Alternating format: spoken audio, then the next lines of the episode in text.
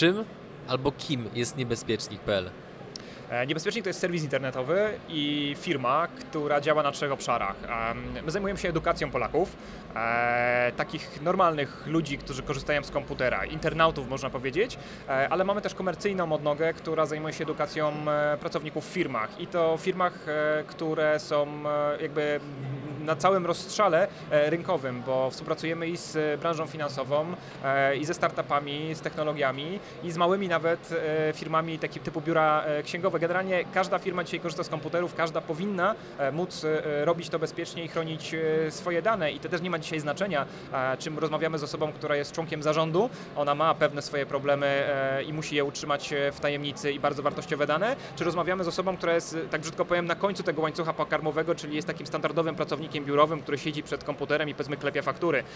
Od tej osoby też bardzo wiele, jeśli chodzi o bezpieczeństwo całej infrastruktury, całej firmy zależy. No i mamy tą trzecią odnogę, która jest takim bardzo agresywnym zespołem e, tak zwanych pentesterów, czyli włamywaczy do wynajęcia, tylko e, włamywaczy, których się wynajmuje po podpisaniu umowy i po świadomości tego, co my im zrobimy, naszym klientom, naszym firmom. My po prostu e, symulujemy działania prawdziwych oszustów internetowych, przestępców, włamywaczy, hakerów i staramy się na wszelkich możliwych sposobach pokonać zabezpieczenia danej firmy po to, żeby wykraść jakieś dokumenty, czy pokazać, gdzie są te słabe punkty. No lepiej jest być zaatakowanym przez nas, niż, niż przez, przez kogoś, kogo symulujemy, bo my nie będziemy się domagali okupu, to poza oczywiście kwotą na fakturze, e, ale my pokażemy, gdzie są te problemy, które firma może załatać, e, żeby e, w przypadku, kiedy ktoś chciałby się na nią zaczaić, chciałby ją zaatakować, nie było to takie łatwe, bo niestety zawsze może to być możliwe. Mamy ludzi w korporacjach, w firmach, infrastruktura techniczna, nawet jeśli będzie super zabezpieczona, to zawsze ten człowiek, jak mówi się w naszej branży, jest takim najsłabszym ogniwem.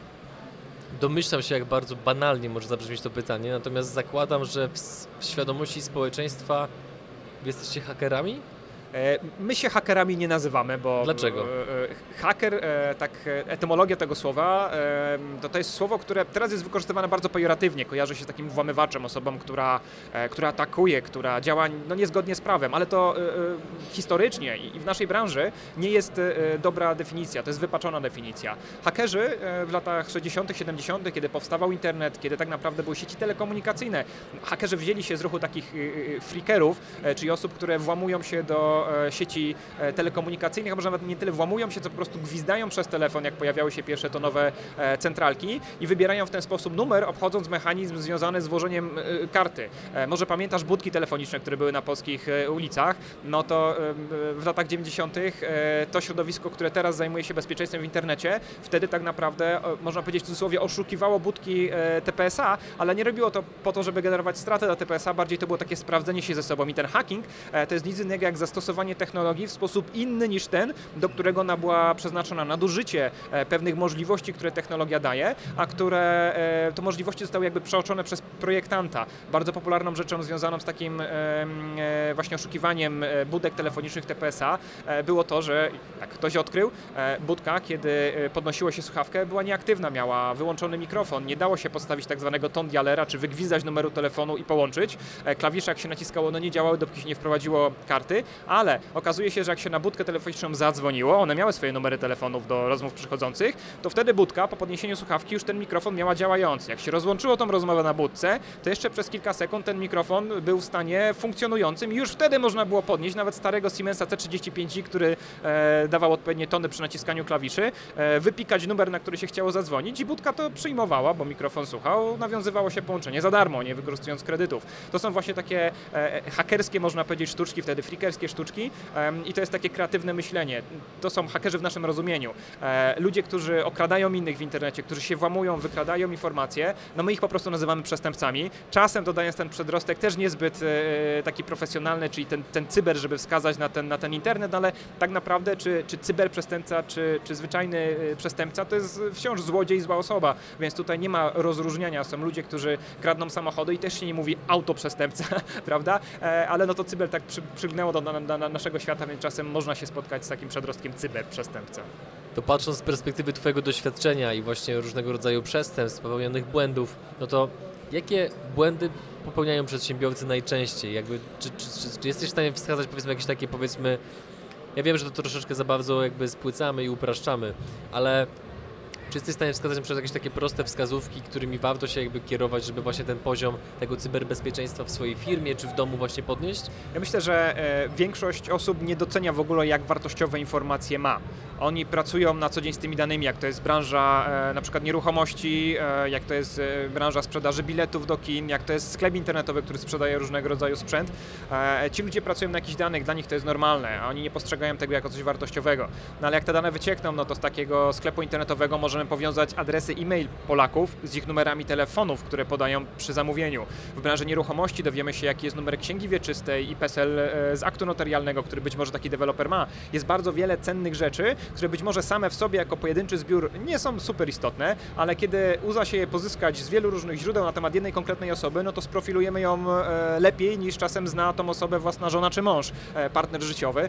I to jest coś, o czym powinni pracownicy firm pamiętać. Oni mają wartościowe dane, nawet jeśli oni nie widzą wartości tych danych. A to, co najczęściej się zdarza, to jest niestety udostępnienie tych danych osobom, które nie powinny mieć tego dostępu. I, i zarówno takie świadome, m, na zasadzie ktoś pomylił się e, wysyłając maila i wysłał maila nie ukrywając adresu e-mail, albo zrobił literówkę w adresie e-mail i to poszło na, na inny adres, e, albo po prostu zostawienie służbowego laptopa w e, pociągu, bo ktoś był roztargniony, za szybko pojawiła się stacja, na której chcieliśmy wysiąść i nie wzięliśmy wszystkich toreb z pociągu, bądź też po prostu korzystanie w środkach komunikacji publicznej, czy nawet w kawiarniach wiele osób pracuje dzisiaj poza biurem e, e, na swoich e, laptopach z ekranem, który jest tak na tyle odsłonięty, że osoba, która stoi obok, siedzi obok, może zrobić zdjęcie. Ja notorycznie, jak podróżuję pociągiem, samolotem, czy jestem w kawiarniach, robię fotografię, mam galerię ekranów osób, które pracują i wiele razy udało mi się, siedząc 2-3 minuty za taką osobą, patrząc na to, co ona robi na swoim laptopie, namierzyć, jak się ta osoba nazywa, no bo są podpisy w stopce, w jakiej firmie pracuje, jaki ma adres e-mail, ustalić przez stronę internetową tej firmy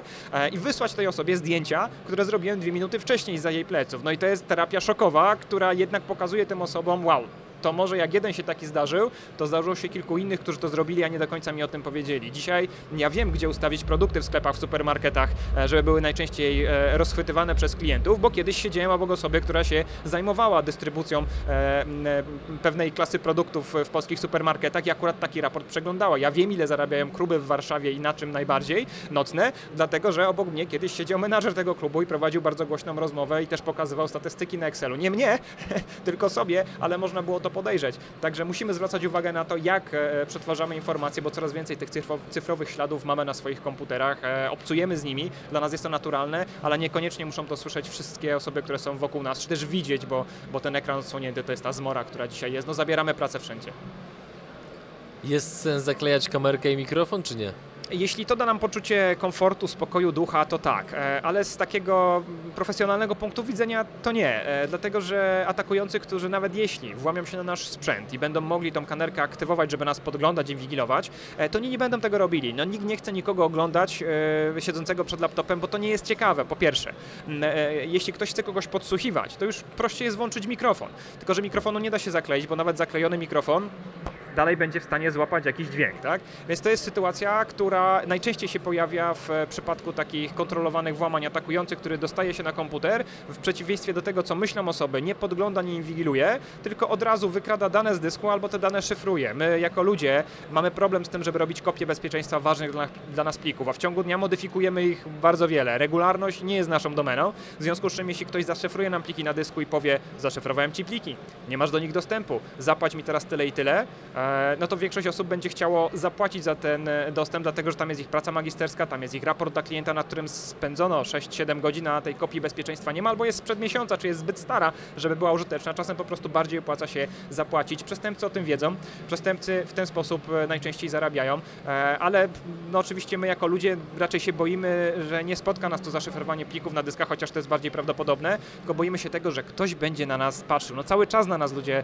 e, patrzą, a jakoś chyba się nie zaklejamy, jak wychodzimy e, gdzieś pracować w biurze, a przecież coś, co, co my takiego strasznego robimy przed tym komputerem? No z reguły nic, więc to pokazuje, że my jako ludzie nie do końca dobrze szacujemy ryzyko, nikt nas tego nie uczył. My nie mamy mózgu przystosowanego do tego typu zagrożeń, które na przestrzeni tak naprawdę ostatnich pięciu lat dopiero ewolu- ewoluowały, a my jako gatunek, e, no już mi- miliony, teraz żebym, żebym nie przesadził, e, e, e, się rozwijamy, tak, no i ta zmiana e, nasz, naszych zwojów mózgowych trochę nie zadąża za, za problemami, jakie mamy do rozwiązania we współczesnym internetowym świecie. Warto używać trybu incognito na wyszukiwarce, czy nie? E, Jeśli ktoś chce zostawiać mniej śladów, to tak, ale prawda jest taka, że nawet pomimo włączonego trybu incognito można użytkownika w internecie śledzić. E, Są na to metody. Oczywiście mniej firm będzie tak agresywna, żeby te metody wykorzystywać, e, ale zdecydowanie jeśli chcemy chronić prywatność, są lepsze metody. Można korzystać z VPN-ów, można korzystać ze specjalnych dystrybucji systemów operacyjnych, żeby być prywatnym w sieci. Tylko teraz co znaczy prywatnym? Czemu my się chcemy przed kimś chować? Żeby nie widzieć reklam? No to są wtyczki do przeglądarek, które te reklamy blokują. A może jednak warto byłoby widzieć te reklamy, które są sprofilowane? Przecież firmy reklamowe, tak naprawdę, one nas profilują e, nie dlatego, że chcą wiedzieć, e, na którym boku ja śpię, albo e, jakie, jakie, jakie konkretnie informacje masz ty czy ja, tylko one chcą wiedzieć, jakie trendy są w społeczeństwie i co mogą swoim klientom, firmom, markom, brandom zaproponować, jeśli chodzi o skuteczną kampanię reklamową. Z drugiej strony ja na przykład ostatnio się interesuję kwestią audio, także patrzę na różnego rodzaju mikrofony. Nie znam się na tym zupełnie, mam zupełnie inne wykształcenie e, i bardzo doceniam sobie to, że w internecie e, reklamy, które widzę dzięki profilowaniu, temu czego wyszukuję, to są reklamy produktów, e, które nagle są rozwiązaniem mojego problemu. O, zestaw głośnikowy takiego, jakiego być może poszukuję. Więc ta reklama kontekstowa, ona może mieć sens. Oczywiście to jest wybór każdego z nas. My powinniśmy podejmować decyzję, czy chcemy widzieć takie reklamy, czy nie. Powinniśmy to robić świadomie, ale prawie nikt nie wie, jeśli kogoś zapytasz na ulicy, albo ja ciebie zapytam, jak możesz się uwolnić od reklamy kontekstowej na telefonie komórkowym. Na to pytanie nikt nie zna odpowiedzi, a jest możliwość i na Androidzie, i na iOSie, czyli iPhone'ie, e, zresetowania sobie identyfikatora reklamowego, czy takiego numerka, który chodzi za nami cały czas po internecie, związany z naszymi aplikacjami i za każdym razem, jak używamy takiej aplikacji albo wchodzimy na jakieś strony, to serwery reklamowe się wiedzą, wiedzą, że to my. Czyli ty możesz mieć aplikację do biegania, w której nie podałeś imienia i nazwiska, ale podałeś, że masz taki i taki rozmiar buta sportowego, masz taką wagę e, i, i, i jakieś inne swoje parametry fizyczne, bo w tej aplikacji to ma sens, żeby te dane podawać. Tam nie ma nazwiska, więc się tym nie przejmujesz. Natomiast masz drugą aplikację, jesteś klientem Lidla albo Biedronki, masz kartę lo- lojalnościową, gdzie już musiałeś podać imię i nazwisko. To, co łączy aplikację e, sklepu jakiegoś fizycznego, w której masz kartę lojalnościową i aplikację do biegania, to to, że są darmowe. Ha, nie ma darmowych aplikacji, za każdą darmową aplikację płacimy naszymi danymi. Obydwie aplikacje mają dostęp do identyfikatora reklamowego, tej samej liczby, którą jeśli raportują na serwery reklamowe, to serwer reklamowy wie, że ty jesteś klientem tej sieci dyskontów spożywczych i masz na imię tak i tak, a przy okazji jeszcze biegasz i masz taki rozmiar buta i ważysz tyle i tyle, a przy okazji jeszcze słuchasz muzyki i najczęściej to takiej i takiej, a przy okazji jeszcze to jesteś na Tinderze i smyrasz w prawo albo w lewo tak często albo tak rzadko. Więc to są te mm, rzeczy, które mogą być zbierane, ale też nie chodzi o to, żeby cię ośmieszyć, wywlec to, jak będziesz kandydował na prezydenta, to powiedzieć, a to nie jest dobry człowiek, bo on tutaj robi takie rzeczy, wyciągać jakieś trupy z szafy, e, tylko to jest sytuacja, w której e, ktoś będzie chciał zobaczyć, czy taka osoba jak ty będzie zainteresowana właśnie może obuwiem sportowym, e, jak wygląda ta, ten segment klientów, co można mu lepiej sprzedać, no bo na tym wszyscy zarobią, a i ty być może będziesz szczęśliwszy, bo w końcu będą takie buty do biegania, które ci będą no, no, no, pasowały, będą lepsze dla twojej, dla twojej wagi, bo wszyscy klienci, klienci Lidla, którzy również biegają, powiedzieli, że są zadowoleni z tych butów, no to ty też będziesz zadowolony. To jest cały ten ekosystem, na którym Facebook robi olbrzymie e, pieniądze, dlatego że e, tak zwane audiencje lookalike'ów, czyli podobnych e, grup do nas na Facebooku, on jest w stanie wyciągnąć po tym, jak my się zachowujemy na Facebooku i powiedzieć reklam, reklamodawcom, słuchaj, 90% osób tego typu kupuje te produkty, to tu jest jeszcze taki Piotr Konieczny, który pasuje do tej grupy, to jeszcze jemu wyświetl ten produkt, chociaż ty sam nie chciałeś mu wyświetlać, to ja ci podpowiadam, on będzie dobrym kandydatem. No i, i w tym są po prostu pieniądze.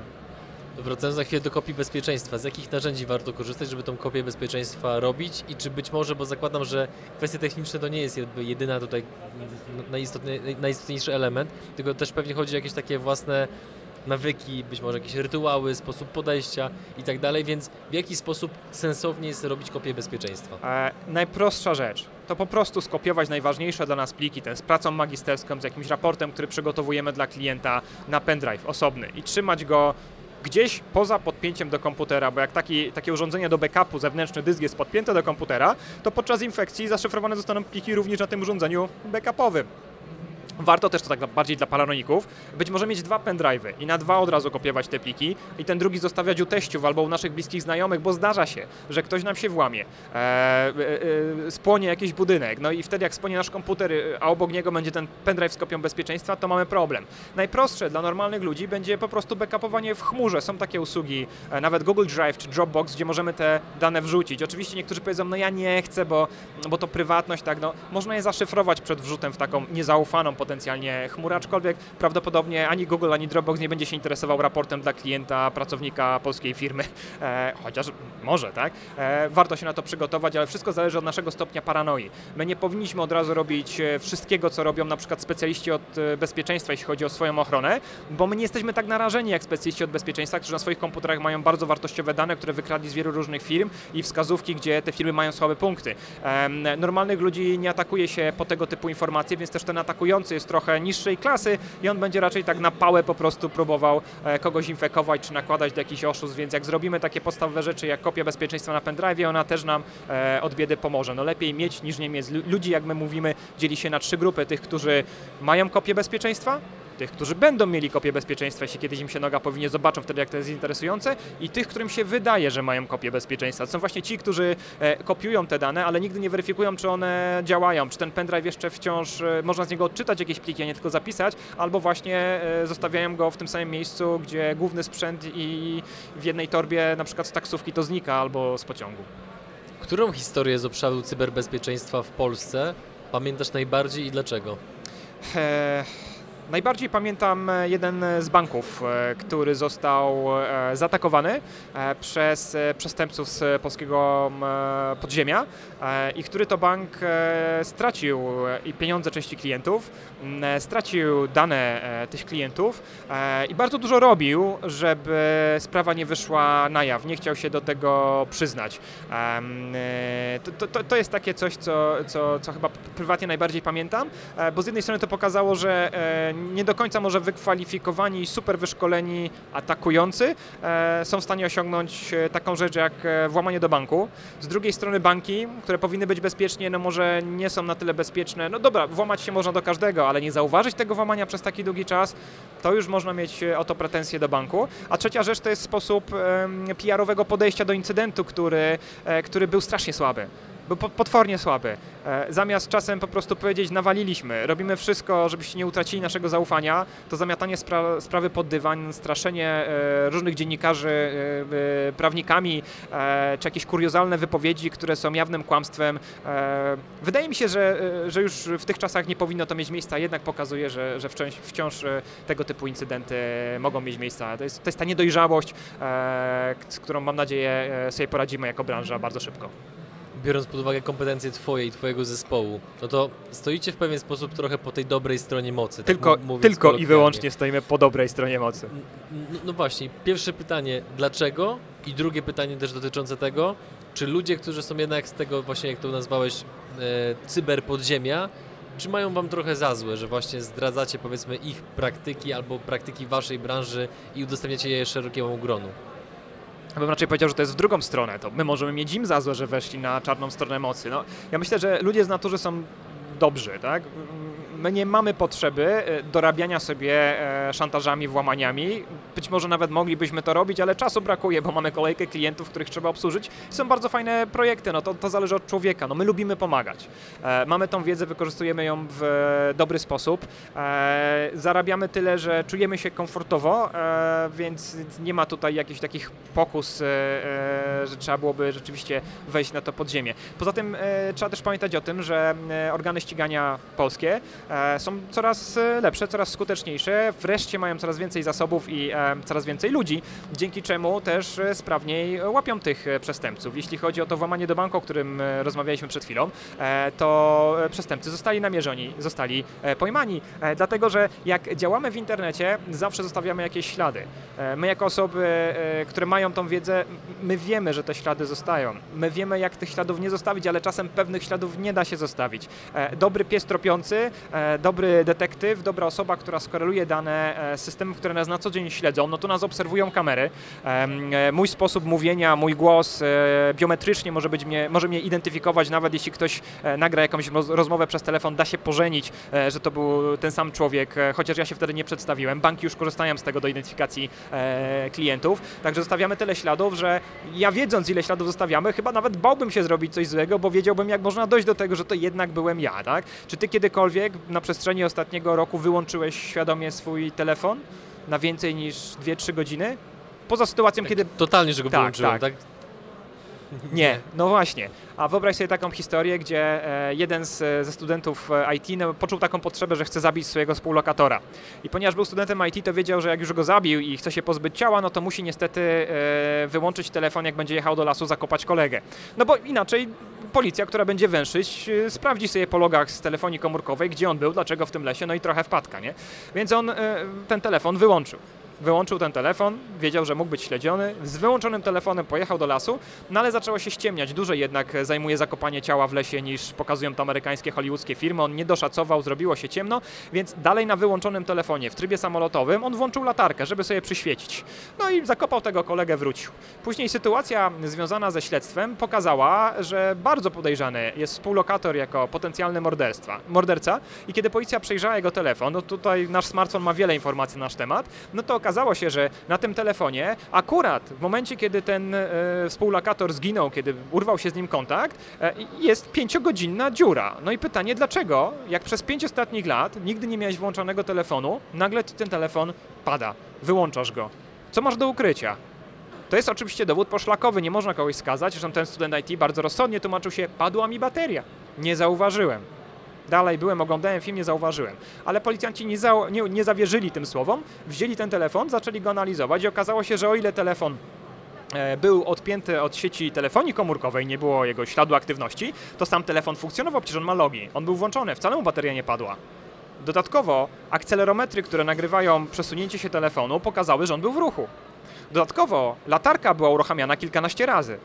No i tutaj już obrona się trochę posypała tej osobie. Te ślady zostawiamy, nawet jeśli nie zdajemy, zdajemy sobie sprawy, e, że coś nas tutaj obserwuje. Z wielu rzeczy można wywnioskować to, gdzie byliśmy, jak się zachowywaliśmy. E, więc takie wykonywanie e, tych, jak sugerowałeś, e, zleceń, które no, być może byłyby szybką drogą do szybkich pieniędzy, jest obarczone moim zdaniem e, bardzo dużym ryzykiem. Zbrodnia doskonała jest ciężka do wykonania, aczkolwiek niektórym wciąż się zdarza, ale to nie jest powiedziane, że za kilka lat e, te osoby, które dzisiaj wykonują jakieś włamania, nie zostaną namierzone po jakichś innych śladach, które się pojawią. E, są takie przypadki, gdzie DNA e, przestępców, e, morderców, gwałcicieli, które było zebrane w latach 70.